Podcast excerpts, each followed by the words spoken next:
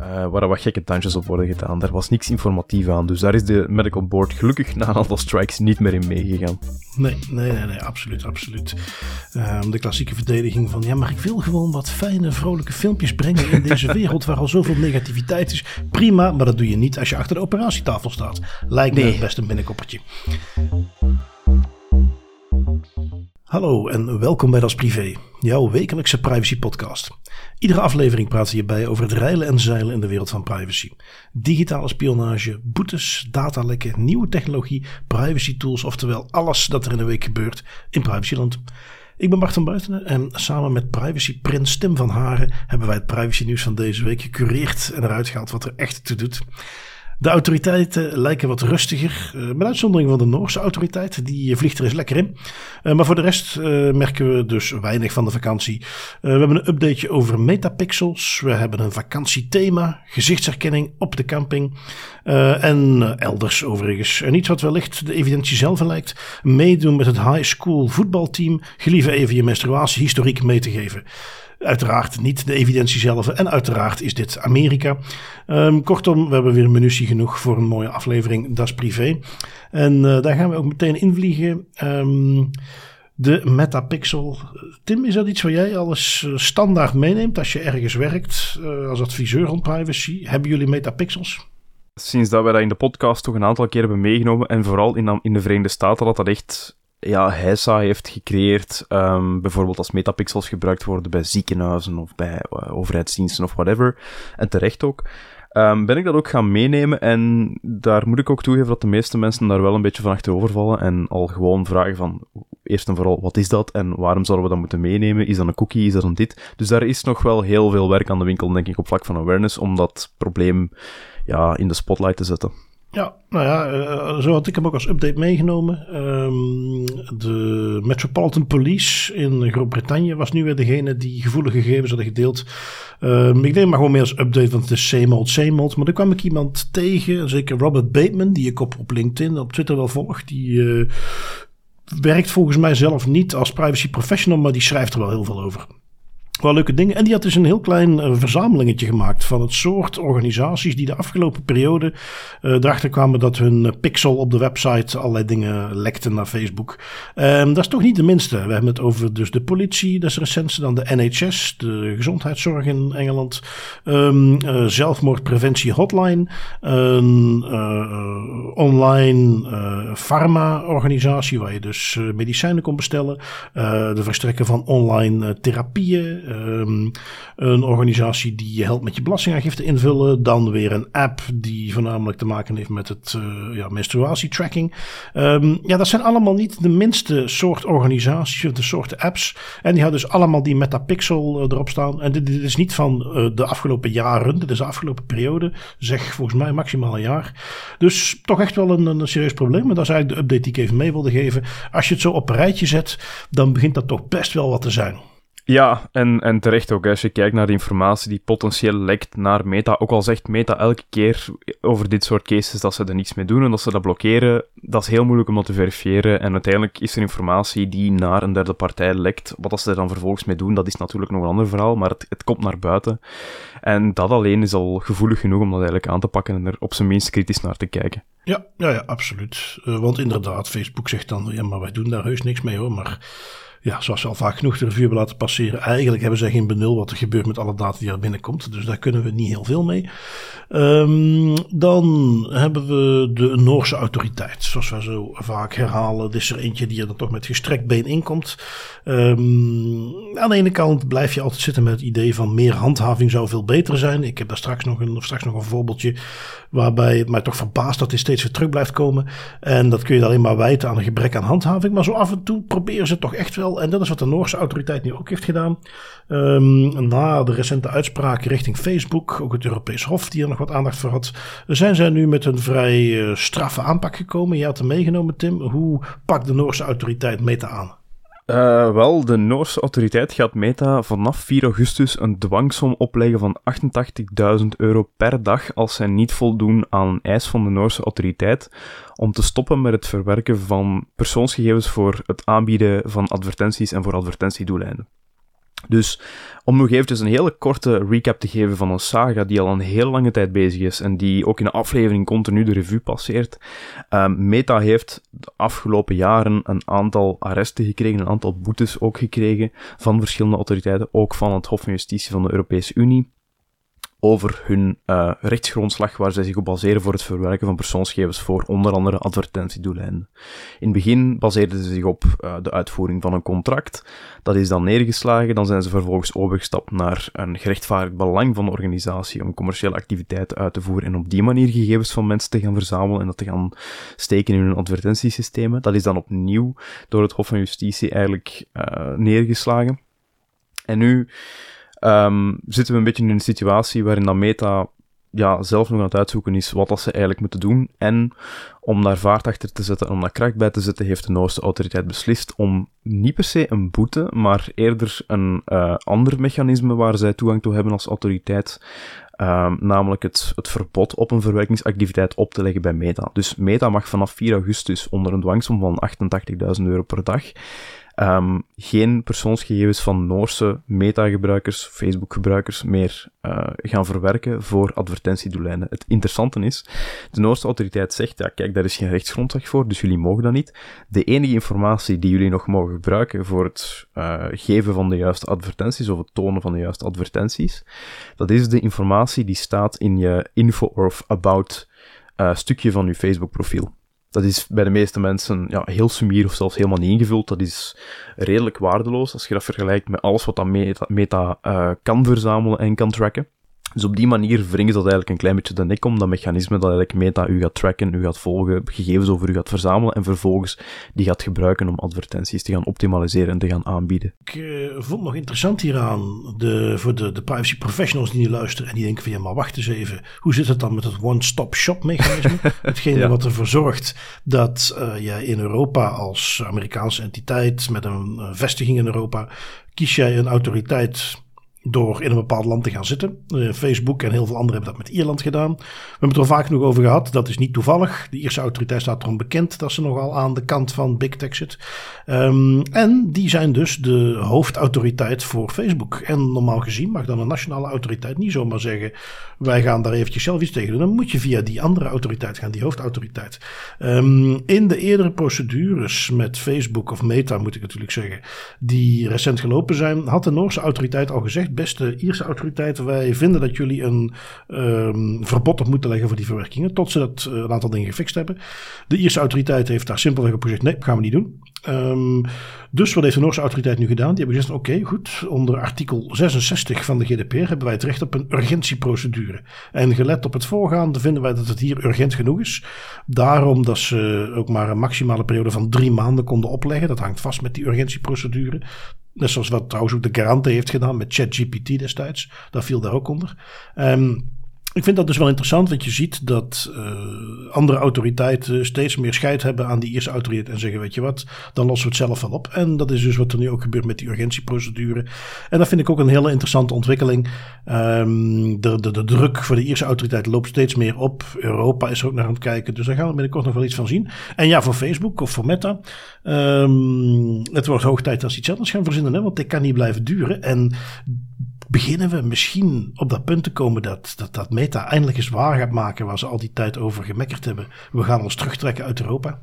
Ja, ik bedoel, we hebben het vorige week nog meegenomen, maar um, het feit dat Threads nog altijd niet beschikbaar is in de Europese Unie, uh, dat is ook een, een teken aan de, aan, de, aan de muur, bij wijze van spreken. Hè? Dat, dat Meta toch aan het opletten is met welke nieuwe diensten uh, die, ze gaan, die gaan aanbieden in een omgeving die toch wel heel kritisch kijkt naar de manier waarop dat bedrijf omgaat met persoonsgegevens. En hier ook.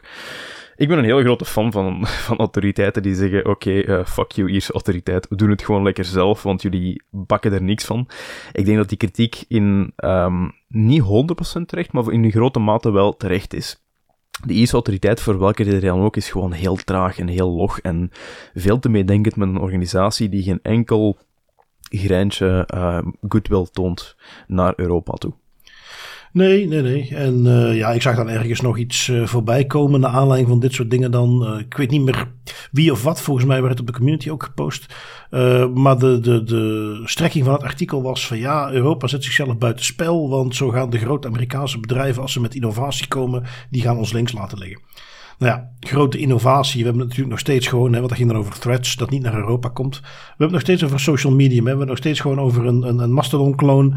Ja, die Twitter-kloon, noem maar op. Ja, ja die gewoon uh, berichtjes verspreidt van mensen. Ik kan best zonder. Uh, dus dat, dat, dat hele argument van zo houden we innovatie tegen. En daarnaast, het wordt ook tijd dat we eens realiseren dat we aan de ene kant lang hebben gestreden voor allerlei mensenrechten en die in een handvest van de Europese Unie hebben vastgelegd. Ja, dan moeten we dat handvest ook wel gaan proberen proberen te handhaven op het moment dat we dan mogelijk misschien eens een keer een nieuw speeltje zouden missen. Uh, zelfs al is het iets à la ChatGPT, wat zeker geen revolutie betekent, maar wat voor veel mensen toch een interessant toeltje is. Nou ja, dan kan het dus betekenen dat wij dat niet gaan hebben. Of dat we er even op moeten wachten tot het op een goede manier is ontwikkeld. Kan ik prima mee leven. Ja, en over ChatGPT gesproken, um, dat is een mooi voorbeeld van handhaving en van een signaal geven naar een bedrijf dat zeer sterk bezig is met innovatie en dat dan ook aanpassingen doet in die technologie, in die innovatie, om het naar de Europese regelgeving te zetten. Hè. Niet zo lang geleden heeft de garant uh, OpenAI nog een verbod opgelegd om die dienst te mogen aanbieden in Italië. Dat is dan een, een tijdje, ik denk anderhalve maand offline gegaan. En vervolgens is uh, OpenAI met een verbeterde omgeving en een verbeterd uh, niveau van, van bescherming van persoonsgegevens gekomen door onder andere een knop in te bouwen, waarmee dat je de chathistoriek met ChatGPT kunt uitzetten. Dus het gaat wel. Het is gewoon een kwestie van even je tanden laten zien en, en tonen van kijk, we nemen dit serieus en als je hier gaat willen innoveren, dat is iets wat je moet meenemen. Nee, absoluut. Um, gaan wij door naar een beetje vakantiethema. Um, maar het snijdt mooi aan met een thema wat de afgelopen, ik denk dat ik ondertussen al bijna maanden moet zeggen, iedere keer wel weer terugkomt in een aflevering. Camera's en gezichtsherkenning. Um, we hebben natuurlijk over de gezichtsherkenning gehad uh, bij de Antwerp 10 Miles. We hebben het in de basis gehad over gezichtsherkenning op heel veel plekken. Um, nu de nieuwste dan, uh, steeds meer campings uh, hebben ook gezichtsherkenning bij het zwembad. Um, het doet mij denken aan een zaak die nog niet zo lang geleden ook bij de Belgische autoriteit was. En die heeft daar al een uitspraak over gedaan. Um, daar moest je dan, en dat ging nog veel minder ver, maar daar moest je dan al je EID achterlaten, foto meegeven. En op die manier uh, gingen ze dan kijken of je het zwembad in mocht. Uh, maar dus nu gaan we dus een heleboel eh, campings nog een stukje verder. Het is um, wat RTL Nieuws in Nederland. Dus in hoeverre dat dit ook op Belgische campings het geval is, weet ik op dit moment niet. Uh, laat het ons zeker weten als het wel zo is. Uh, maar hier hebben ze dus al eens even een rondvraag gedaan. De camping die ze eruit pakten was die op de Juliana-hoeve. Um, en dat was heel simpel. Men kreeg van tevoren te horen, als je gebruik wilt maken van het zwembad uh, in onze camping, dan gelieve even te registreren via de gezichtsherkenning. En anders mocht je er geen gebruik van maken. Um, ja, voor zover dat nog toelichting behoeft, maar toch even benadrukken. Op het moment dat jij daar aankomt, jij hebt betaald voor de camping met alle faciliteiten die erin zitten. En dan ineens voor het zwembad moet je gezichtsherkenning meegeven. Um, ten eerste voor het zitten op de camping is het niet noodzakelijk dat ze jouw gezicht hebben. Dus daar kunnen ze al nooit stoppen onder het. Ja, dat is nodig om uh, gebruik te kunnen maken van je diensten hier op de camping. Uh, gezichtsherkenning is een biometrisch gegeven, is dus een bijzondere categorie aangegeven in de GDPR. Dat mag überhaupt al niet op basis van een contract of op basis van een gerechtvaardigd belang. Daar moeten ze toestemming voor vragen. En die toestemming afdwingen met je mag geen gebruik maken van het zwembad, hè, camping, zomer, vakantie zwembad. Als je het ooit hebt over onevenredige druk. Ik weet niet of er iets ergers is dan niet gebruik mogen maken van zwembad in deze context. Uh, mag dus ook niet. Um, en in die campings is het dus wel degelijk zo. Wie dat uh, niet wil doen, die mag het zwembad dus niet gebruiken. Het is soms heel erg vermoeiend. En daar kom ik dan even op dat puntje van daar straks wat ik aanhaalde. Dat gebrek aan handhaving. Uh, dit is zo'n overduidelijke schending van privacywetgeving. En toch weet ik zeker, als je die mensen aan die camping dat gaat vragen, dat die zeggen: Oh, maar dat mag toch gewoon? Dat is toch gewoon hoe wij ons eigen zwembad willen beheren? dat is toch geen enkel probleem? Ja. Dat is toch ons zwembad? Mogen wij toch kiezen hoe we dat doen? Nee, dat mag je niet. Nee, nee, exact. Allee, dat is, dat is het gewone. Eerst en vooral, um, er zijn veel dingen dat je kunt zeggen van een camping, maar dat het, de, dat het bastions zijn van hoogtechnologische vooruitgang en, en implementaties, daar heb ik nog nooit over nagedacht. Dus daar schort het al een klein beetje in mijn ogen dat die mensen dingen gaan inzetten waar ze de volledige ja, hoe moet ik het zeggen, de volledige impact niet per se van appreciëren. Maar dan vervolgens haalt je daar dat wettelijk kader nog bij. En dan gaat je letterlijk mensen gaan blackmailen door te zeggen, en onder druk gaan zetten door te zeggen, um, ofwel scan uw gezicht, ofwel gaat het maar ergens anders gaan zoeken. Ja, dat, dat, is gewoon, dat is gewoon heel fout. En het probleem is, zeker met, met ja, plaatsen zoals campings en openbare ruimtes en parken en noem maar op. Um, dat zijn niet per se de plaatsen waar veel aandacht intern of extern wordt besteed aan dit soort materie privacy en gegevensbescherming. Nee. Dat, nee uh, en, die komen en, niet altijd in het oog. Wat, wat, ik wat aanvoel als ik dit zo voorbij zie want ik ben wel aan het bedenken, hoe gaan we dit doen? En met alle respect voor de mensen die campings uitbaten. Ik heb zelf ook vakantiejobs op campings gedaan. Ik, ik ken de context. Met alle respect voor die mensen, dat zullen waarschijnlijk geen privacy-experts zijn die dat uitbaten. Tuurlijk niet. En dan kun je dus zeggen, ja, we kunnen wel met z'n allen gaan vragen dat ze dit soort dingen beter weten, maar dat is niet realistisch. Dus waar hebben we het dan over? Moet dat meer handhaving zijn? Ik weet ook niet of de uitspraken van de autoriteit persoonsgegevens in Nederland natuurlijk en de GBA bij ons tot daar gaan geraken. En dan kom ik bij de laatste piste. Een, een stokpaardje wat ik alles vaker aanhaal als het meer gaat om de algemene beveiliging van gegevens in software, is een soort zorgplicht die bij leveranciers ligt. Uh, dat je zegt van ja, kijk, jullie bieden, als ik even in die online context van, van uh, toeltjes kijk, zorgplicht om beveiliging. Jullie weten, veel van jullie klanten hebben niet de expertise om die beveiliging te gaan toetsen. Dus er is een soort minimumniveau dat jullie gewoon moeten opleggen aan je klant. Wat jullie zelf moeten gaan voorzien. Um, hier voel ik een beetje hetzelfde in de context van providers die gezichtsherkenningstools aanbieden. Eigenlijk ligt daar een soort verplichting om een stukje minimum voorlichting aan hun klanten te geven. Um, want daar zit die kennis gewoon niet. En, en kun je onderhand niet zeggen, net zoals een website, en daar hebben we al een voorbeeld van gezien in Frankrijk. Een website die wordt opgeleverd met foute cookies, waar dan uiteindelijk de boete en de schade door de beheerder van de website wordt verhaald bij de maker van de website. Die zegt, ja, jullie maken website, je had dit moeten weten. Um, Net zoals dat op het moment dat uh, een online platform niet goed beveiligd is, je ook bij de maker van dat platform gaat klagen van hé, hey, ik wil mijn geld terug, jullie hebben geen goed platform gegeven. Zou je niet op dezelfde manier kunnen gaan denken over de aanbieders van die gezichtsherkenningssoftware? Jullie zijn de experts in gezichtsherkenning. Jullie hebben gezegd dat wij dat hier in dat zwembad konden zetten. Jullie hadden ons moeten vertellen dat wij dat niet alleen maar mogen gebruiken, omdat dat niet wettelijk is. Daar zou ik nou wel wat in zien. Is een keer een autoriteit die zo'n bedrijf ook eens op de vinger stikt en die hier misschien in dit geval, als dit wordt opgevolgd, ook de verwerker, dus de leverancier van die gezichtsherkenningssoftware, is gaat op de vinger stikken of zelfs een kleine boete geeft van hey, dit hadden jullie ook kunnen voorkomen. Dat lijkt, me, dat lijkt me zeker een heel interessante gedachte, omdat, ja, zoals gezegd, de kennis ligt nu eenmaal niet bij, ligt gewoon heel vaak niet bij de gebruikers. En dat ligt dat is niet alleen bij campings en, en parken en whatever, maar dat is gewoon, dat reikt zelfs tot in ziekenhuizen of tot in scholen of noem maar op, gemeentes. Er zijn heel veel plaatsen op de wereld waarin dat mensen gebruik maken van technologie zonder echt volledig te kunnen begrijpen wat die technologie inhoudt. Wat dat ook logisch is, want je mocht er ook niet verwachten van die mensen. En ik garandeer je, ik ga hier nou een niet bepaald uh, profetische uitspraak doen, maar het is een kwestie van tijd voor wij de eerste artikeltjes voorbij zien komen, misschien volgend jaar in de zomer. Airbnb's die jou verplichten om met gezichtsherkenning toegang te krijgen tot het appartement, tot de woning.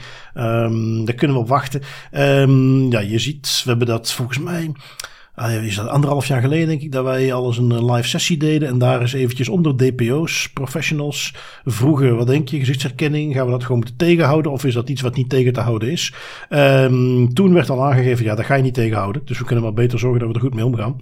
Um, dat, dat, dat blijkt steeds meer. Hè. Dat is een trend die we echt wel heel duidelijk zien. Gezichtsherkenning is here to stay. Maar je gaat het op de goede manier moeten doen. Um, in ieder geval een poging om dat op een goede manier te doen, die heb ik ook meegenomen, is de Eurostar. De Eurostar die eh, gaat fuseren met de Thalys. Dus dat wordt één groot uh, hoge snelheidstreinnetwerk. Um, die zijn er al langer mee bezig. Maar ze hebben nu een, een, nieuw dingetje wat de volledig biometrische check-in is. Met een belangrijk verschil, want we hebben ze alles voorbij laten komen. Met meer kioskjes waar je dan voorbij kon staan. Maar het idee is nu dat het echt, zoals ze het zelf noemen, free flow is. Het bedrijfje erachter, die wij stiekem al veel voorbij hebben zien komen. Ook de festivals in Nederland maken gebruik van iProof. Uh, van hun technologie, zo heet dat bedrijfje. En het idee is dus dat jij kunt na van tevoren thuis een hele check-in gedaan te hebben met ID-kaart en gezichtsherkenning, um, is het idee hier dat jij dan vervolgens naar de Eurostar kunt gaan, naar het station in Londen um, en daar gewoon aan kunt komen wandelen en uh, behalve natuurlijk nog steeds de bagagecheck die je moet laten doen rond security, maar voor de rest kun je gewoon doorwandelen. Je hoeft ook niet met je gezicht voor een kioskje te gaan hangen of iets dergelijks. Nee, je kunt gewoon doorwandelen bij uh, de toegangspoorten waar andere mensen dan allerlei checks moeten doen. En de software is snel en goed genoeg om dan jou daar ter plekke, terwijl je gewoon wandelt, te kunnen herkennen. Uh, belangrijk wel, en dat is ook de, de feedback die ook hier weer de maker van die software zelf gaf. Um, let op, dit zal altijd optioneel blijven. Uh, iedereen die het wilt, die uh, kan hier gebruik van maken, maar we gaan nooit iemand dwingen om dit te gebruiken. Nou, dat is hoe het hoort. Uh, gezichtsherkenning kun je niet tegenhouden als mensen er zelf vrijwillig voor kiezen ik eh, ga het dan maar zo doen. Dan, dan ja, dat, goed, daar kunnen wij er ook niks van vinden. Dat moet iedereen lekker zelf weten. Um, enige twijfel of vraag die ik me nog stel. Waar komt het punt dat als je moet kiezen tussen of gewoon door mogen wandelen of twee uur in de wachtrij staan, dat je nog echt hebt over een vrije keuze. Um, maar goed, dat is al wat fine-tuning. Het basisprincipe, we gaan nooit iemand dwingen om het te doen. Dat vind ik al een goed uitgangspunt van de Eurostar. Ja, absoluut. En zo moet het gewoon zijn voor die technologie in, in zijn algemeenheid. Ja.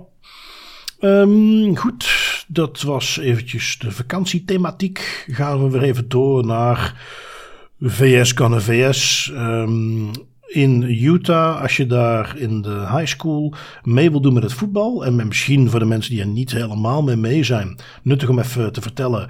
Uh, voetbal, in Amerika dan soccer, is toch van oudsher in Amerika een vrouwensport. Um, komt wat op. De Major League Soccer begint aan populariteit te winnen. Met natuurlijk Lionel Messi, die nou ook in Amerika speelt. Maar is van oudsher daar eigenlijk voornamelijk een vrouwensport. En als je nu in Utah bij een bepaalde high school mee wilt gaan doen. dan moet je wat informatie meegeven over. Uh, ja, je wilt je aanmelden, wat medische informatie meegeven. En daar stonden ook wat, wat, ja, toch wat specifieke dingen in die wat vragen deden oproepen, dacht ik het. Ja, ik ben deze week een klein beetje in een rabbit hole gedoken op vlak van wat de sportverenigingen in de Verenigde Staten toch allemaal vragen als uh, vrouwen willen meedoen aan onder andere uh, voetbal. Dat is allemaal begonnen met een tweet. Um, een tweet waarin een moeder eigenlijk ja, haar beklag doet over het feit dat zij haar dochter wilt inschrijven uh, in de, de high school voetbal tryout. En dat ze dus ook een heleboel medische informatie moet invullen. Dat is ergens ook logisch natuurlijk dat je dat moet doen. En ze stuurt een foto mee van een fragment van de informatie die gevraagd wordt. En dat, dat is eigenlijk, ja, we zullen zeker ook het, de foto in de show notes zetten. Maar er is eigenlijk een stuk van een papier waar eigenlijk uh, een heleboel informatie wordt gevraagd over de menstruatiecycli van de, het meisje dat wilt meedoen aan de high school soccer tryout hoeveel keer dat ze al haar, uh, haar maandstonden heeft gehad, wanneer dat die maandstonden plaatsvinden, of dat er uh, irregulariteiten zijn. Kortom, daar, daar was redelijk hard en, en uh, diep op doorgevraagd op die menstruatiecycli van, van wat uiteindelijk gewoon jonge meisjes zijn.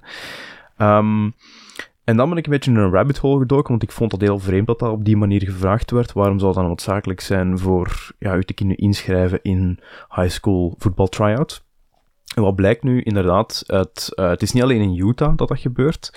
Het uh, is in 44 staten in de Verenigde Staten dat dergelijke informatie gevraagd wordt aan jonge vrouwen, um, of aan de moeders van jonge vrouwen, voordat zij mogen meedoen aan sportactiviteiten die georganiseerd worden in school.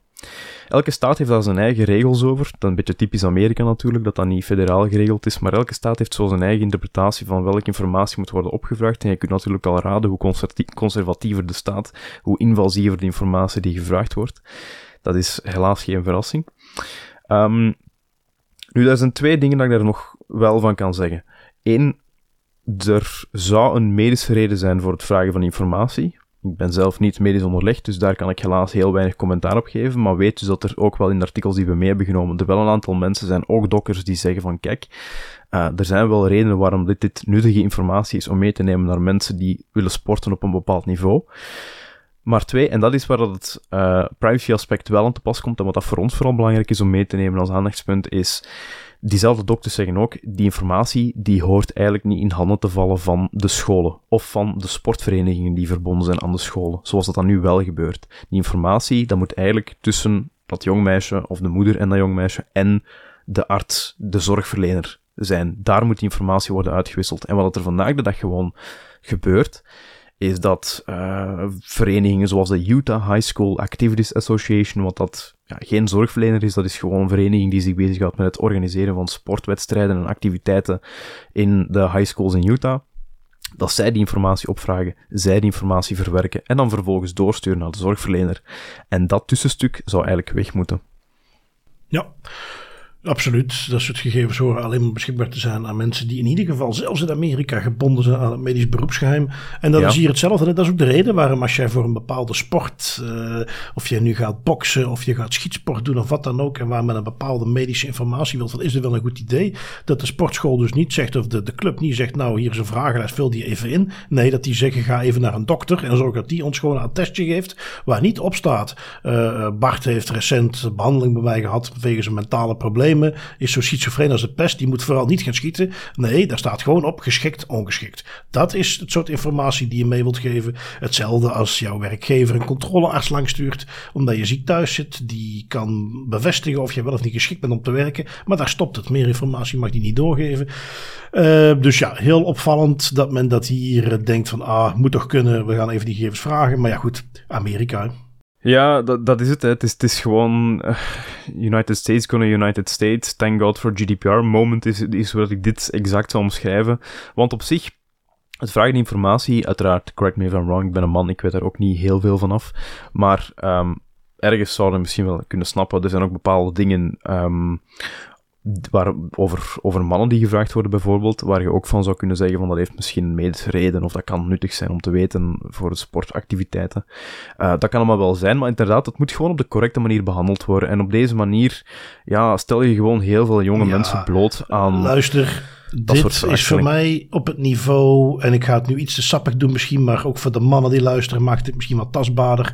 Voor mij is het op het niveau dat ze jou gaan vragen hoeveel druppels ejaculeer je precies? Hoe vaak doe je dat? uh, ja, dat heeft niks te maken met mijn voetbalprestaties. En dat is hier precies hetzelfde. Die vragen die ze daar stellen, ik durf hem best aan. Ik hoef geen medisch professional te zijn om in te kunnen schatten dat hoe lang duurt jouw uh, menstruatie, uh, hoe vaak heb je die al gehad in het laatste jaar, dat dat niet iets is wat ze horen te vragen bij een voetbalclub. Misschien, misschien nog nuttig om mee te geven, of de mannen ook zeker, om het, om het wat meer te gaan kaderen. Maar in een van de artikels die ik heb meegenomen in de rabbit hole, uh, waar het nog onder andere ging over die 44 staten die elk op hun eigen manier dat soort informatie vragen. Er zijn bepaalde staten in de, Verenigde, in de Verenigde Staten die um, naast menstruele cycli van vrouwen, um, bij de mannen bijvoorbeeld ook een inspectie van de genitaliën verwachten. Voordat je mag meedoen aan bepaalde sportactiviteiten. En dan kun je ook afvragen, wat is daar in godsnaam de reden voor? Waarom is dat relevant om mee te kunnen doen met voetbal of met rugby of whatever? Ja, misschien dat ze risico's in willen schatten. Als je last van spatballen, dan zou een voetbal tegenaan komen. Dan kan dat misschien serieuze medische consequenties hebben. Ik bedoel, daar kan ik dan zelf nog inkomen. Maar hier, ja, maar toch. Nee, alleen, Er, was, er was één vragenlijst die ik had gezien waar dat één iemand, waar dat een, waar dat een uh, sportfederatie, dus ook opnieuw geen arts, maar waar een sportfederatie okay. vroeg aan jongens uh, of dat ze één teelbal hadden. Dat was een specifieke vraag. Wauw, ja. En dat zijn, dat zijn zo vragen waar ik van denk van, ja, eerst en vooral laat dat over aan een arts, die gebonden is aan een heleboel geheimhoudingsverplichtingen. Niet aan een sportfederatie, maar dan nog, waarom is dat relevant? Ja, misschien dat dat de uitloop is van uh, Lance Armstrong en zijn dopingfraude. Maar goed, dan duiken we er al te ver in. Um, ik uh, heb iets het is maar zijdelings gerelateerd met privacy misschien. Of, eigenlijk niet, maar um, ik, vond hem toch, ik vond hem heel interessant. Um, Tim, weet jij wie Jet Li is?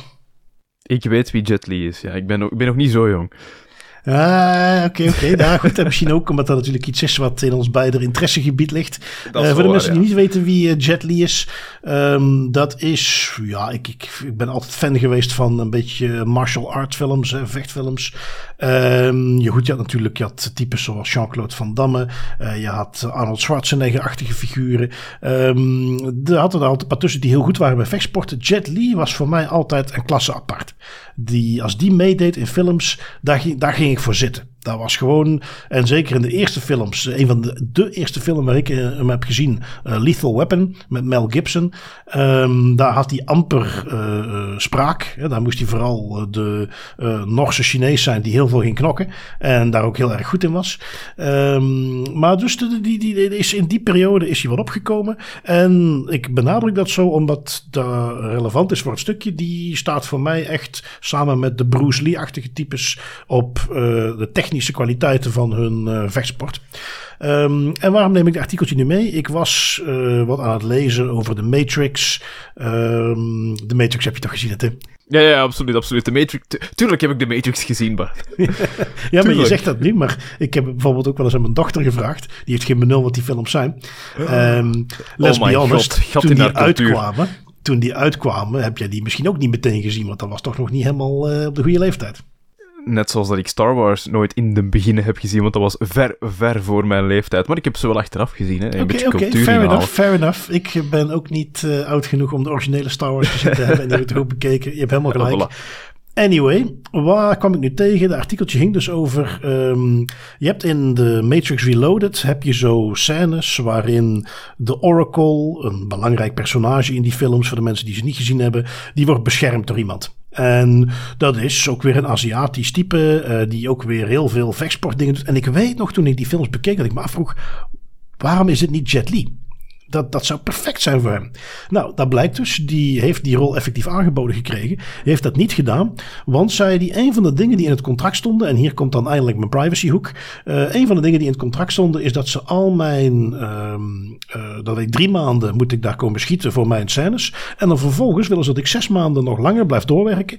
En dan gaan ze allerlei uh, opnames doen van mijn vechtkunsten. En die vechtkunsten die gaan ze dan digitaliseren. En die willen zij vervolgens dat, de, de, de rechten op die filmen, die, die zijn van hen. Die ben ik dus kwijt. En dat betekent dus dat zij, zoals hij dan aangaf destijds, ik was bang dat ze, want er was dan, ja, Matrix was onder andere bekend om het gebruik van CGI, hè, de effecten. Um, Hij was mhm. bang dat ze dan in staat waren om gewoon zijn uh, lichaam en zijn vechtkunsten te gebruiken, maar er een ander hoofd op te zetten. En dus hij heeft daarom geweigerd om die rol in te vullen. Um, goed, we hebben het dus over 1999, begin 2000, die Matrix films. Daar was hij zijn tijd dus eigenlijk ver mee vooruit, want waar en dat soort dingen toen echt nog niet eh, heel toegankelijk was. En waar je dat misschien inderdaad op niveau van Hollywood met heel veel effecten voor elkaar kon krijgen. Was hij dus toen al bang dat ze te makkelijk hem vervolgens buitenspel konden gaan zetten. En ja, daar heeft hij dus gewoon volkomen gelijk in gekregen. En dat vond ik een hele interessante. Dat is heel cool, uh, want dat is. Um, ja, dat, dat is iets wat dat bij heel veel aspecten wel echt een hot topic is worden. Um, ik zie dat bij een aantal van mijn klanten ook, dat die met projecten bezig zijn waar ze zeggen van oké, we willen gaan werken met uh, persoonsgegevens van echte mensen, om dan vervolgens die te gaan gebruiken als een soort van basislijn om synthetische versies ervan te maken. Beeld, audio, whatever dat is, dat is echt een hot topic in de wereld van artificial intelligence. En dat is dus heel cool om te zien dat hij toen al zoiets had van, gaan we het toch niet doen? Want als je kijkt naar de capaciteiten van vandaag de dag, als je, als je die informatie zou hebben van Jet Li, ben ik er vast van overtuigd dat je een exacte kopie van Jet Li zijn, zijn signature moves en zijn, wat dat hem zo interessant maakt, zou kunnen maken en dan in film kan zetten. Met de budgetten die daar tegenaan gesmeten worden, dan heb je eigenlijk Jet Li niet meer nodig om een Jet Li film te maken. Nee, en je, je ziet je helemaal voor je hoe ze daar uh, in Hollywood over nadachten. Uh, compleet geen respect voor de acteur die Jet Li is. Gewoon denken, ja. ja, dat is gewoon een of andere persoon die wij hierin huren voor zijn vechtkunsten. Als ze dat nou gewoon eens eventjes kunnen digitaliseren, dan zijn we van heel die acteur af. Um, en goed, daar was hij dus helemaal mee met, dat gaan we niet doen. Um, andere uh, knotsgekke uh, trends die we zien. Uh, we hebben natuurlijk vaak genoeg gehad over TikTok. Um, ik, ik, moet zeggen, deze die jij hebt meegenomen, Tim, ik vond hem toch wel heel bijzonder. Um, bottom line, een dokter verliest nu haar licentie, maar ik laat even aan jou om uit te leggen waarom precies. Ja, dat, dat is een, een, een, arts, een chirurg in de plastische chirurgie. Um, in Ohio, uiteraard, in de Verenigde Staten. Here we go again. En het is een zekere Dr. Graw. En die is op een bepaald moment inderdaad, zoals je hebt gezegd, haar uh, medische licentie verloren geraakt. Die mag dus ook haar, haar activiteiten als arts en als, als plastische chirurg niet meer uitvoeren. Uh, voor de simpele reden dat zij en dat is echt, dat is eigenlijk gek om, om luid op uit te spreken, maar wat. Zij was TikTok-filmpjes aan het maken tijdens chirurgische ingrepen. Dus niet alleen stond ze te dansen in de wandelgangen van haar kliniek, maar ook in de operatiezaal, terwijl ze bezig was met een liposuctie en het, het vet weg te zuigen van iemand die daar op een tafel lag, was die tegelijkertijd aan het babbelen en aan het ratelen en TikTok-filmpjes aan het maken en gekke dingen aan het doen.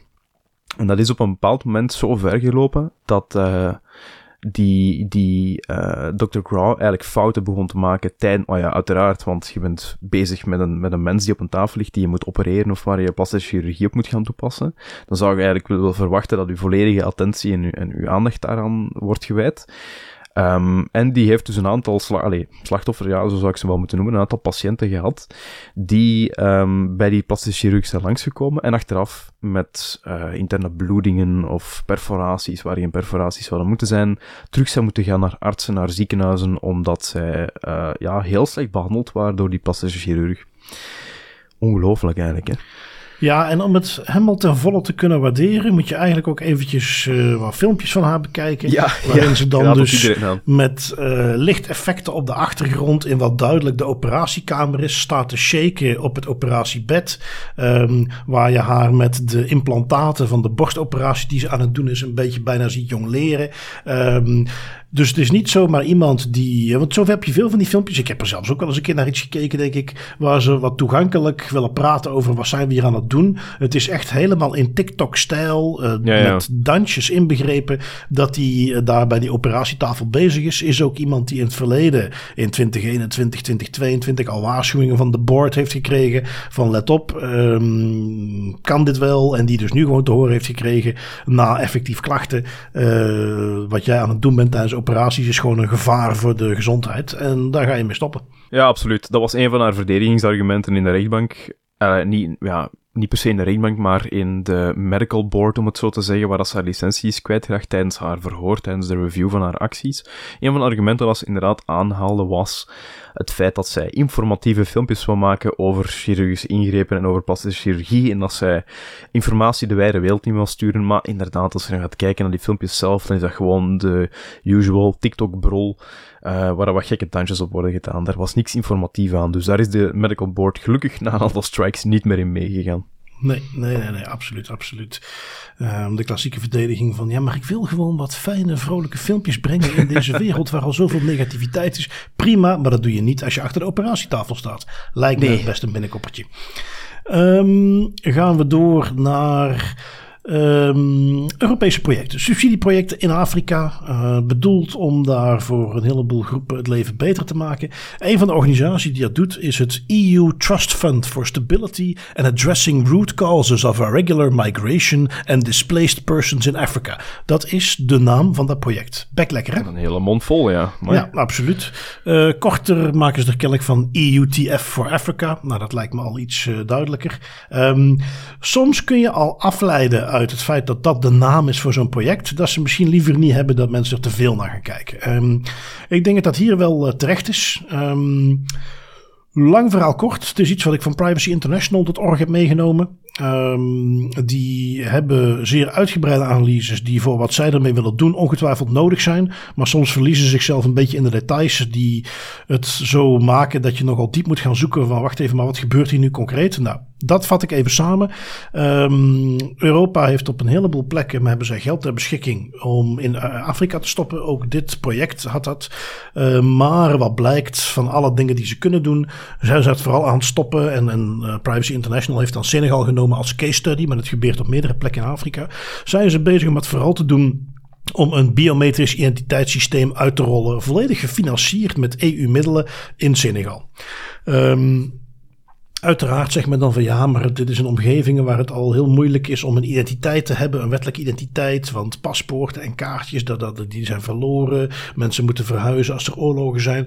En dus wij komen hier met een, een systeem, een project wat ervoor bedoeld is om mensen wel dat recht op identiteit te geven door gezichtsherkenning.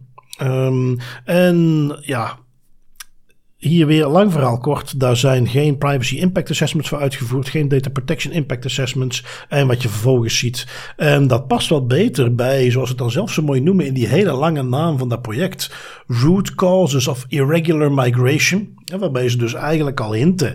Dit is iets om de uh, ja, irreguliere migratie. Oftewel, uh, ik denk dat dat gewoon codewoord is om te zeggen. Um, wij willen de mensen tegenhouden die hier niet uit uh, asiel aanvragen en ontvluchten van oorlog komen, maar die hier voor economische voorspoed willen komen. Um, dat systeem wordt dus uiteraard niet alleen al ingezet om mensen identiteiten te geven, maar wordt ook al bedoeld om als ze eenmaal tot aan de grens komen van Europa, ze zo snel mogelijk te herkennen en ze meteen terug te kunnen sturen. Um, waarbij, als dan, dat dan bekijkt, en dat is wat Privacy International ook zegt, dat hele idee van we willen een systeem opzetten om uh, mensen identiteiten te kunnen geven, ja, dat kan ook door simpelere, niet gecentraliseerde databases die je opzet, waar je ook identiteiten mee kunt managen. Uh, jullie hebben die privacy en die data protection analyses niet gedaan. Wat jullie hier eigenlijk aan het maken zijn, gefinancierd met EU-subsidiegeld, is gewoon een gigantische massa surveillance databank die ervoor gaat zorgen dat je beter migranten in kaart krijgt en terug kunt sturen. En ik snap wel waar die bezorgdheid vandaan komt. Uh, ja, absoluut. Eerst en vooral omdat migranten de facto wel gewoon een, een uh, toch wel zwakkere doelgroep, om eerlijk te zijn, dat die onder de loep worden genomen en dat die kwetsbaar. op zo'n manier... Kwetsbaar, ja, zwak is het foute woord, maar inderdaad kwetsbaar. De, uh, vaak ook gewoon niet geïnformeerd over die technologie die wordt ingezet en gewoon...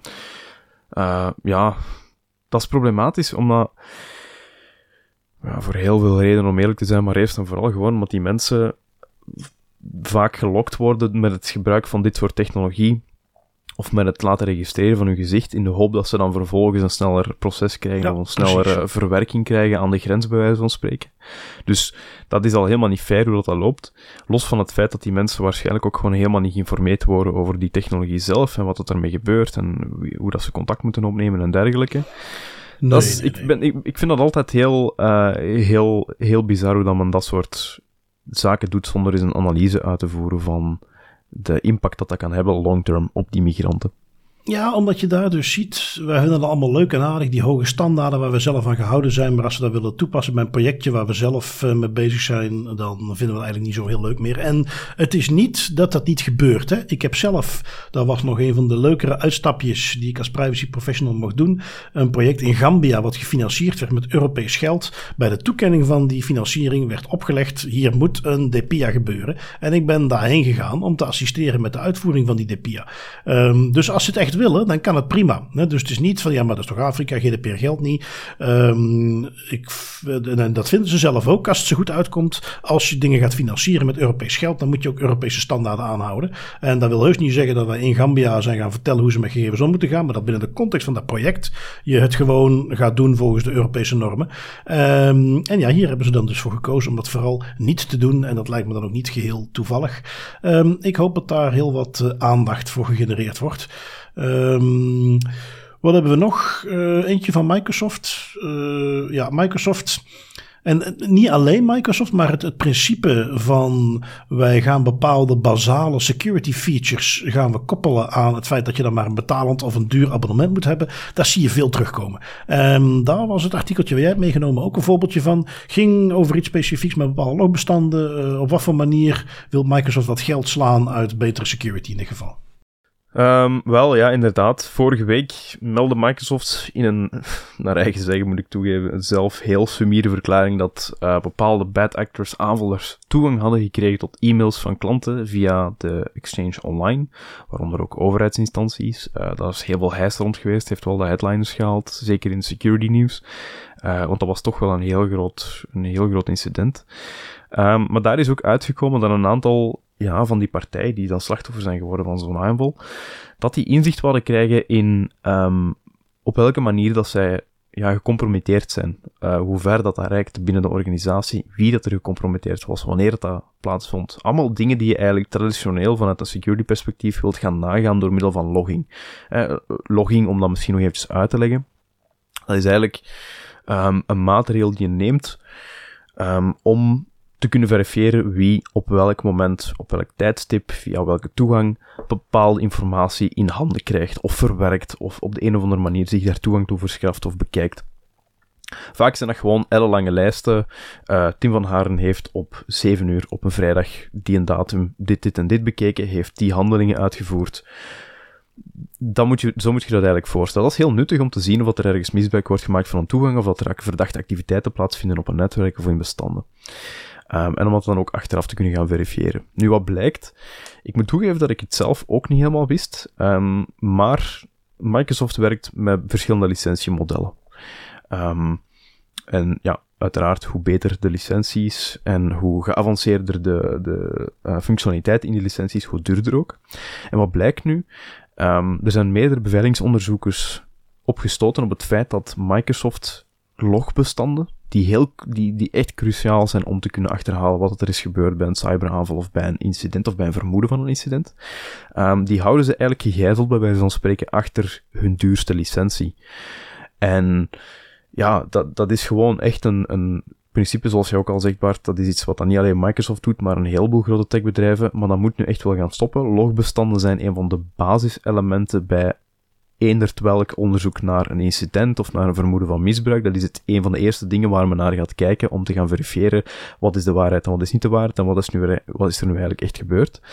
En dat gaan um, gijzelen achter wat dat uiteindelijk een paywall is, gewoon duurdere licenties aankopen.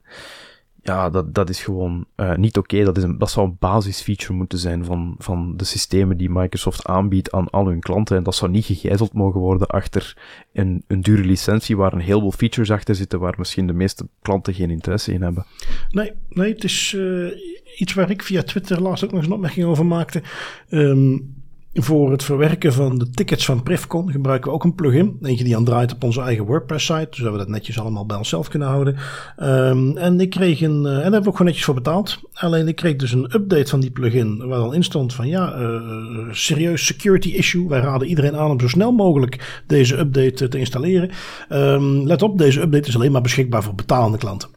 Ja, um, ja. ja. dat is dus, nou ja, dat, dat, dat, kun je dus gewoon niet maken. Als jij eigenlijk toegeeft, uh, wij hebben een product wat lek is en waar uh, eigenlijk, ja, ik bedoel, wij zijn er nu achter gekomen, het is gefixt, maar waar misschien al potentieel al lange tijd misbruik van worden gemaakt, kun je niet zeggen en dat gaan we alleen maar voor onze betalende gebruikers uh, vrijgeven. En zeker niet als je op het niveau van een Microsoft zit, waarbij um, cruciale systemen eraan hangen, waarbij de enige manier om aanvallers het lijf van het lijf te houden dat soort functionaliteiten zijn. Daar is al heel vaak discussie over geweest. Ik dacht eigenlijk dat ze dat nu dan ook tegenwoordig beter deden, maar ja, zo blijkt dus niet.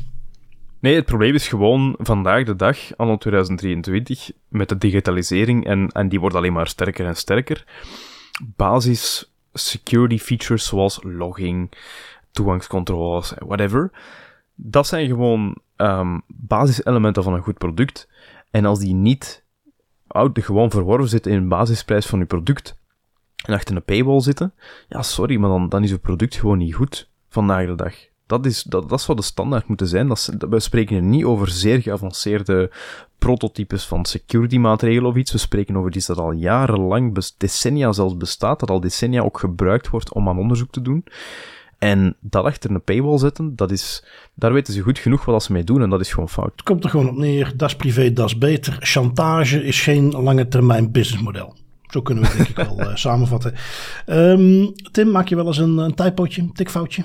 Uh, helaas wel, ja. Vaak in e-mails ook. En uh, heb je toevallig er eentje bij de hand dat je zegt van ja, dat is eentje die wel redelijk gevoelig is. Een beetje een tikfoutje wat toch wel redelijk pijnlijk is.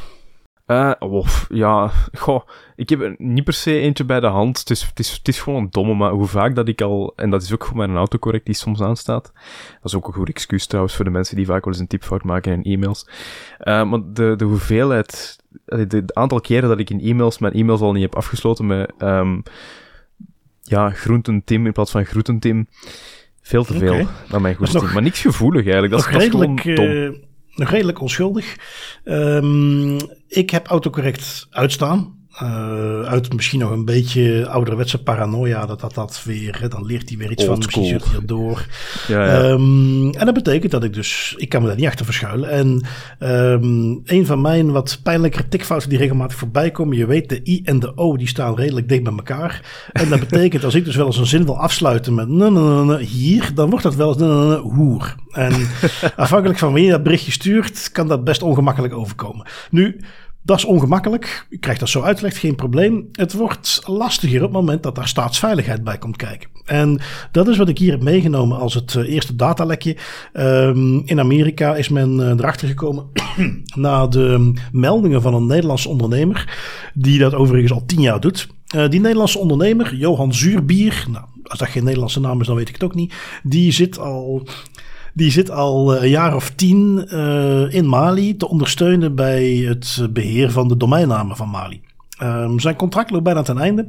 En daarom heeft hij nu op verschillende plekken aan de bel willen trekken.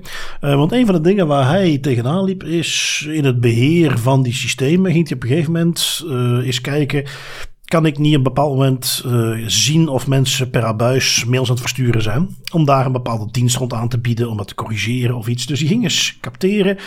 Wat zijn het soort mailtjes die binnengestuurd worden op de .ml domeinnaam? Uh, uiteraard van Mali, die hier eigenlijk niet thuis horen. En ja, er is nog een andere domeinnaam die redelijk veel lijkt op .ml en dat is .mil.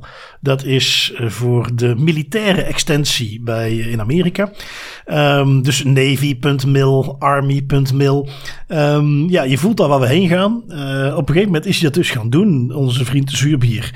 Um, kwam op een gegeven moment in januari alleen al achter 117.000 mails die bedoeld waren om naar een .mil-adres te sturen, die bij een .ml-adres uitkwamen.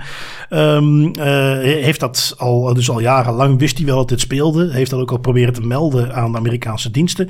Uh, die doen daar niks mee.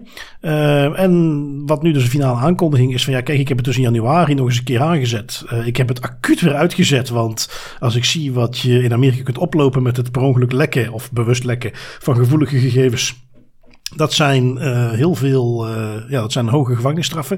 Voor de mensen die dat interessant vinden, uh, ga eens zoeken op iemand die Reality Winner heet. Ja, zo heet ze echt. Reality Winner. Een bekende die een paar jaar de bak is ingevlogen voor het lekken van één documentje. In ieder geval, um, daar zijn dus ja, uh, wellicht honderden duizenden mails over de jaren heen, misschien zelfs miljoenen, die bedoeld zijn om naar militair personeel te sturen en die vanwege een simpel tikfoutje uh, uiteindelijk bij een Mali terechtkomen. En waar Zuurbier dus ook meegeeft, let op, het risico is hier nog meer aanwezig. Mijn contract stopt binnenkort. Binnen Mali weet men dit misschien ook. Het is dus maar een kwestie van die mails niet gaan deleten en die wel effectief gaan ontvangen. En jullie hebben een serieus risico op, uh, op lekken. Um, ja, iets wat technologisch ook wel op te vangen is. Hè? Een, een, een rule aanmaken van, goh, op het moment dat vanuit onze militaire adressen um, er naar .ml wordt gestuurd in plaats van .mil, daar kun je best wat tegen doen. Dus dat vond ik wel een, een interessante. Ja, ja. Ik, ik vraag mij op, want inderdaad, ik was ook aan het denken over die e-mailregels, die zijn redelijk gemakkelijk in te stellen, dat kost ook niet heel veel tijd. Ik vraag mij gewoon af of dat, uh, of dat niemand hier ooit over heeft nagedacht. Of dat dat nu echt iets is dat vanuit de, die militaire diensten dan, uh, of voor de mensen die dingen sturen naar militaire diensten, of dat dat nu echt iets is dat naar boven komt van, ah fuck, we hebben al die jaren e-mails verstuurd naar .ml in plaats van .ml. Of dat dat iets is waar man zich wel van bewust is en men heeft er gewoon nooit iets aan gedaan. Dat vraag ik mij nu wel af, want dit is toch echt iets waar je van zegt van, dat is toch ook heel visibel, je stuurt e-mails, die e-mails, allee, daar, wordt, daar komt geen antwoord op, dus op den duur zou je toch vragen beginnen stellen, zou ik dan denken. Ik kan me heel goed voorstellen dat de meeste van die mensen niet doorhebben dat dat wel degelijk opgepikt kan worden. En dat die mails niet zomaar bouncen en dan verdwijnen in het niets, maar dat die perfect gewoon opgevangen kunnen worden. En dat daar dus eigenlijk, zeker in deze categorie, hè, een, een, een serieus staatsveiligheidslek in zit. En daar staan ze dan gewoon niet bij stil. Um, over staatsveiligheidslekken gesproken. We hebben nog een mooie. Ben jij bekend met Virus Total, de organisatie? Ja. Mooie uh, online database van allerlei malware. Het idee is, uh, en ze zijn echt heel bekend. Uh, sowieso worden ze ook gebruikt als input voor alle antivirusontwikkelaars, anti-malware programma's. we stappen langzaam, of nee, niet langzaam, eigenlijk al een tijd wel af van het idee dat antivirus werkt op basis van het herkennen van wat er eerder is geüpload. Antivirus moet slimmer zijn. Die moet dingen gaan kunnen herkennen zonder dat iemand anders het ooit al eens heeft geüpload. Maar goed, dat terzijde. Virus Total is dus een gigantische database met allerlei malware. Uh, is echt de bekendste. Um, sinds 2012. Een dochteronderneming van Google, hè? Sinds 2012 een dochteronderneming van Google inderdaad. Dus ondertussen al, al meer dan 11 jaar. Um, wat is nu datalek? Um, niet super schokkend, maar hier zie je dus maar weer. Dat is een punt wat ik vaak ook aanhaal op andere plekken. En eigenlijk uh, sluit aan bij ons voorgaande verhaaltje. Uh, zelfs e-mailadressen kunnen aan zich al gevoelig zijn. Want daar zit al informatie in. En hier gaat het dus over dat. Ja, het is een oepsje. Uh, iemand bij Virus Total heeft per ongeluk informatie publiek gezet. die niet publiek had moeten staan. Inclusief e-mailadressen van gebruikers. Um, uit een e-mailadres, ja, als dat nsa.gov is. Ja, dat geeft al behoorlijk wat vrij. Zeker in de context van het werken voor inlichtingendiensten is pure anonimiteit. Het feit dat um, niet meteen zichtbaar is dat jij voor zo'n inlichtingendienst werkt, is al een gevoelig gegeven op zich. Um, en dat is wat dus met die data Dat ging toch om een paar duizend mensen um, waar dat voor gold. ik wil het niet al te heftig maken.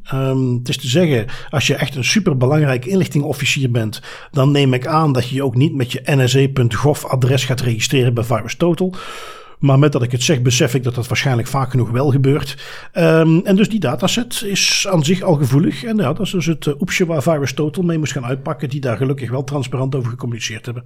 Ja, en zo zie je maar, de, de menselijke factor blijft ook nog wel zeker iets belangrijks om in acht te houden, want het kan altijd gebeuren dat er fouten gebeuren. We zijn mensen, dat is, dat is op zich ook geen ramp, maar ja, dat is wel iets om in het achterhoofd te houden dat dat altijd gaat kunnen blijven gebeuren. Er gaat denk ik nooit een systeem zijn dat de menselijke fout volledig weghaalt en zeg je de mens eruit haalt. Maar ja, bo.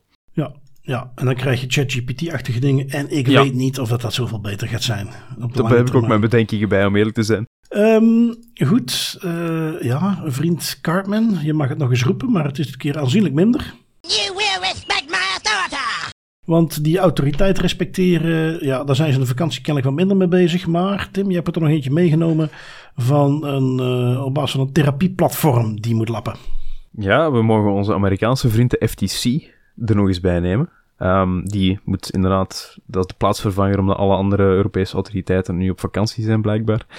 Uh, maar de FTC heeft wel nog een interessante uitspraak gedaan en een boete gegeven van 7,8 miljoen dollar aan het online therapieplatform BetterHelp. En um, wat dat BetterHelp doet, is zij verzamelen een heleboel gegevens en um, brengen mensen in contact met psychologen, therapeuten, maatschappelijke medewerkers uh, en anderen. En kunnen op die manier ja, een soort van tussenplatform spelen voor het verlenen van, van psychologisch advies en, en therapie en dergelijke. Um, die verzamelen dus ook een heleboel informatie over iemand die dergelijke uh, therapeuten of psychologen zoekt, waar dat ze mee struggelen, waar dat ze mee kampen, de problematiek die heerst in hun persoonlijk leven. En um, BetterHelp heeft altijd beloofd, zoals vaak, dat zij heel netjes omgaan met de privacy van die mensen, want het gaat om heel gevoelige gegevens en dat erkennen zij en ze gaan er absoluut niks mee doen. We gaan dat enkel gebruiken voor het verlenen van de juiste therapie met de juiste personen. En wat blijkt dan als de FTC komt aankloppen en komt vragen van jongens, wat is hier eigenlijk aan de hand? Um, naast uiteraard het aanbieden van therapie en een, soort van tussenplatform spelen tussen patiënten en psychologen en zorgverleners in het algemeen, Um, BetterHelp contacteerde onder andere ook platformen zoals Facebook, gaf daaraan ook de uh, contactgegevens mee van de patiënten of de mensen die therapie willen volgen, gaf ook mee of dat ze ooit al eens therapie hadden gevolgd en wat dat onderwerpen waren, om vervolgens aan Facebook te vragen, vind nu voor ons mensen die gelijkaardig zijn met de mensen die wij al in ons klantenbestand hebben en geef die advertenties van BetterHelp. Dus eigenlijk was dat gewoon één groot datalek. Heel veel van die gevoelige informatie lekte naar die partijen die dan advertenties moesten pushen op hun platformen. Um, compleet tegen hun eigen beleid in, compleet ook tegen de regelgeving in. Dat zijn gevoelige gegevens, die mag je ook in Amerika niet zomaar gaan delen, ook zeker niet voor advertentiedoeleinden. Um, dus BetterHelp krijgt een boete van 7,8 miljoen dollar en mag ook geen gezondheidsinformatie meer delen voor of gebruiken voor advertentiedoeleinden. Ik zat nog even te denken, waar, waar heb ik BetterHelp nu al eerder gehoord? Is hij niet al eens in de podcast voorbij gekomen? En uh, ik wist het alweer, die zijn ook al een keer de revue gepasseerd omdat zij een metapixel hadden waarbij ze allerlei dingen doorstuurden. Dus ja, cirkel is weer rond. Um, dan onze privacy pointers. Ik heb er twee eigenlijk. Dus uh, ik ga gewoon eventjes uh, aftrappen met de eerste. Die ik wel leuk vond om mee te geven. Is gewoon een, een, een screenshot uh, uit een, presentatie. Um, die online redelijk wat verspreid werd. Met een heel simpel punt. In security land wordt ondertussen al heel vaak en heel lang gezegd. Two-factor authentication met codes die via sms worden doorgestuurd. Is eigenlijk niet veilig genoeg meer. Je moet het al gaan vervangen. Um, statistieken wijzen uit dat het voorlopig eigenlijk nog veilig genoeg is. Het is te zeggen, als we kijken naar het soorten aanvallen die er zijn, is, uh, is er een heel groot, de grootste type aanval, waarbij ze gewoon uh, proberen op basis van dumps die op het internet al verschenen zijn, binnen te breken in een website. Tussen prakken datalekken die al gebeurd zijn met gebruikersnamen en wachtwoorden. Dan gaan ze naar een andere site toe, hackers, en ze stoppen het er gewoon allemaal in. In de hoop dat daar dan een hit uitkomt. En dat is ook heel vaak zo. Nou, op het moment dat jij dat al beveiligt door een code die via sms verstuurd moet worden, ook al is het niet het sterkste wat er is, um, dan is dat meteen opgelost. Uh, dus 100% van dat soort aanvallen worden ook tegengehouden door gewoon simpel sms two-factor authentication. Um, en dus ja, misschien een, een das privé, das beter. Um, als jij uh, zegt van ja, maar uh, two-factor authentication via sms is niet goed genoeg. We moeten een andere oplossing hebben. En in tussentijd doen we dan maar even niks tot we die hebben. Doe vooral wel ook die sms two-factor authentication. Want het is voor een heel groot deel van de aanval nog steeds een zeer goede methode. Dat is mijn eerste, nou laten we het eventjes noemen, zomertip. Die ik toch zeker uh, mee wilde geven. Um, wat had jij bij? Um, ik heb een algemene tip die een beetje in, die een beetje in lijn loopt met wat we hier net over hadden, over die plugins op WordPress die ja, um, gevoelige informatie lekken en waar dan problemen uit ontstaan. Um, mijn algemene tip is gewoon, als je gebruik maakt van plugins of add-ons, en dat mag in WordPress zijn, of dat mag zelfs in ChatGPT zijn, waar je ook add-ons kunt gaan gebruiken, of in je browser. Het maakt niet uit, maar als je gebruik maakt van bepaalde stukjes software die geënt worden op een omgeving of op een programma dat je gebruikt, zeker als je werkt met gevoelige gegevens of met persoonsgegevens, het is aan te raden om eens te controleren wat dat die plugin nu exact doet, waar dat informatie naartoe gaat. Want dat is voor veel mensen nog vaak uh, een zwart gat waar dat eigenlijk heel weinig over geweten is. En waarom neem ik hem mee? Wel, er is een populaire security plugin uh, voor WordPress. En die, um, dat was de plugin, ben even de naam, nee, All-in-One Security was de plugin. En die uh, plugin die zat met een vervelend lek. Die logde namelijk alle wachtwoorden van alle inlogpogingen als je, als je die plugin gebruikt op WordPress-websites in plaintext. Dus wachtwoorden, normaal gezien, mogen die nooit. Plaintext is gewoon platte tekst. Dat is voor iedereen leesbaar, op geen enkele manier versuddeld of geëncrypteerd. En normaal gezien, die wachtwoorden, ja, die worden op de een of andere manier uh, gehashed, geëncrypteerd op, op een one-way encryptie. Um, waardoor dat die niet zomaar inzichtelijk zijn voor, voor het menselijke oog, voor het blote oog. Nu, als je die natuurlijk gewoon in platte tekst in je logbestanden gaat zetten en iemand kijkt die logbestanden na, of iemand, een, een hacker krijgt toegang tot die logbestanden, dan hebben die toegang tot al die accounts die hebben uh, die een inlogpoging hebben gedaan op die website. Dus dat is een hele grote no-go, dat is een hele grote faux pas. Um, en dat was eigenlijk de, de aanleiding om dat nog eens mee te nemen als tip van check alsjeblieft wat dat die plugins doen, want ja, je installeert die gewoon, die beginnen dan hun functionaliteit uit te voeren, maar je hebt eigenlijk geen idee wat er gebeurt op de achtergrond. Oké, nou lijkt mij zeer uh, nuttig om mee te nemen. Ik heb er nog eentje die ik gewoon ga vernoemen. En degene die het interessant vinden kunnen dat eventjes gaan lezen. Ik vond hem interessant. Het is niet speciaal uh, hot op dit moment. Maar artikeltje dat ik op CQ Nieuws ben bij even bij zag komen. Wat gaat over de bijzondere onderzoeksmethodes voor het binnendringen in de privéwoning. En ze hebben even op een rijtje gezet wat het kader is waarbinnen dat kan. Um, ja, waarbij okay. ik geen uitspraken doe over iemand die zich daar zorgen over maakt. Over wat voor line of work die aan het doen is. Maar desalniettemin is het nuttig om uh, dat soort dingen te weten. Um, en Tim, dan zijn wij er weer. En dan kloppen wij denk ik weer eens gewoon af op een podcast van meer dan een uur. Want er is ook in deze zomerperiode meer dan genoeg te beleven. Ik uh, dank jou voor je tijd. Ik dank de luisteraars voor het luisteren. En wij doen dit volgende week nog eens dunnetjes over. Ja, zoals altijd, never a dull moment in privacy. Met heel veel plezier en tot volgende week. Tot volgende week.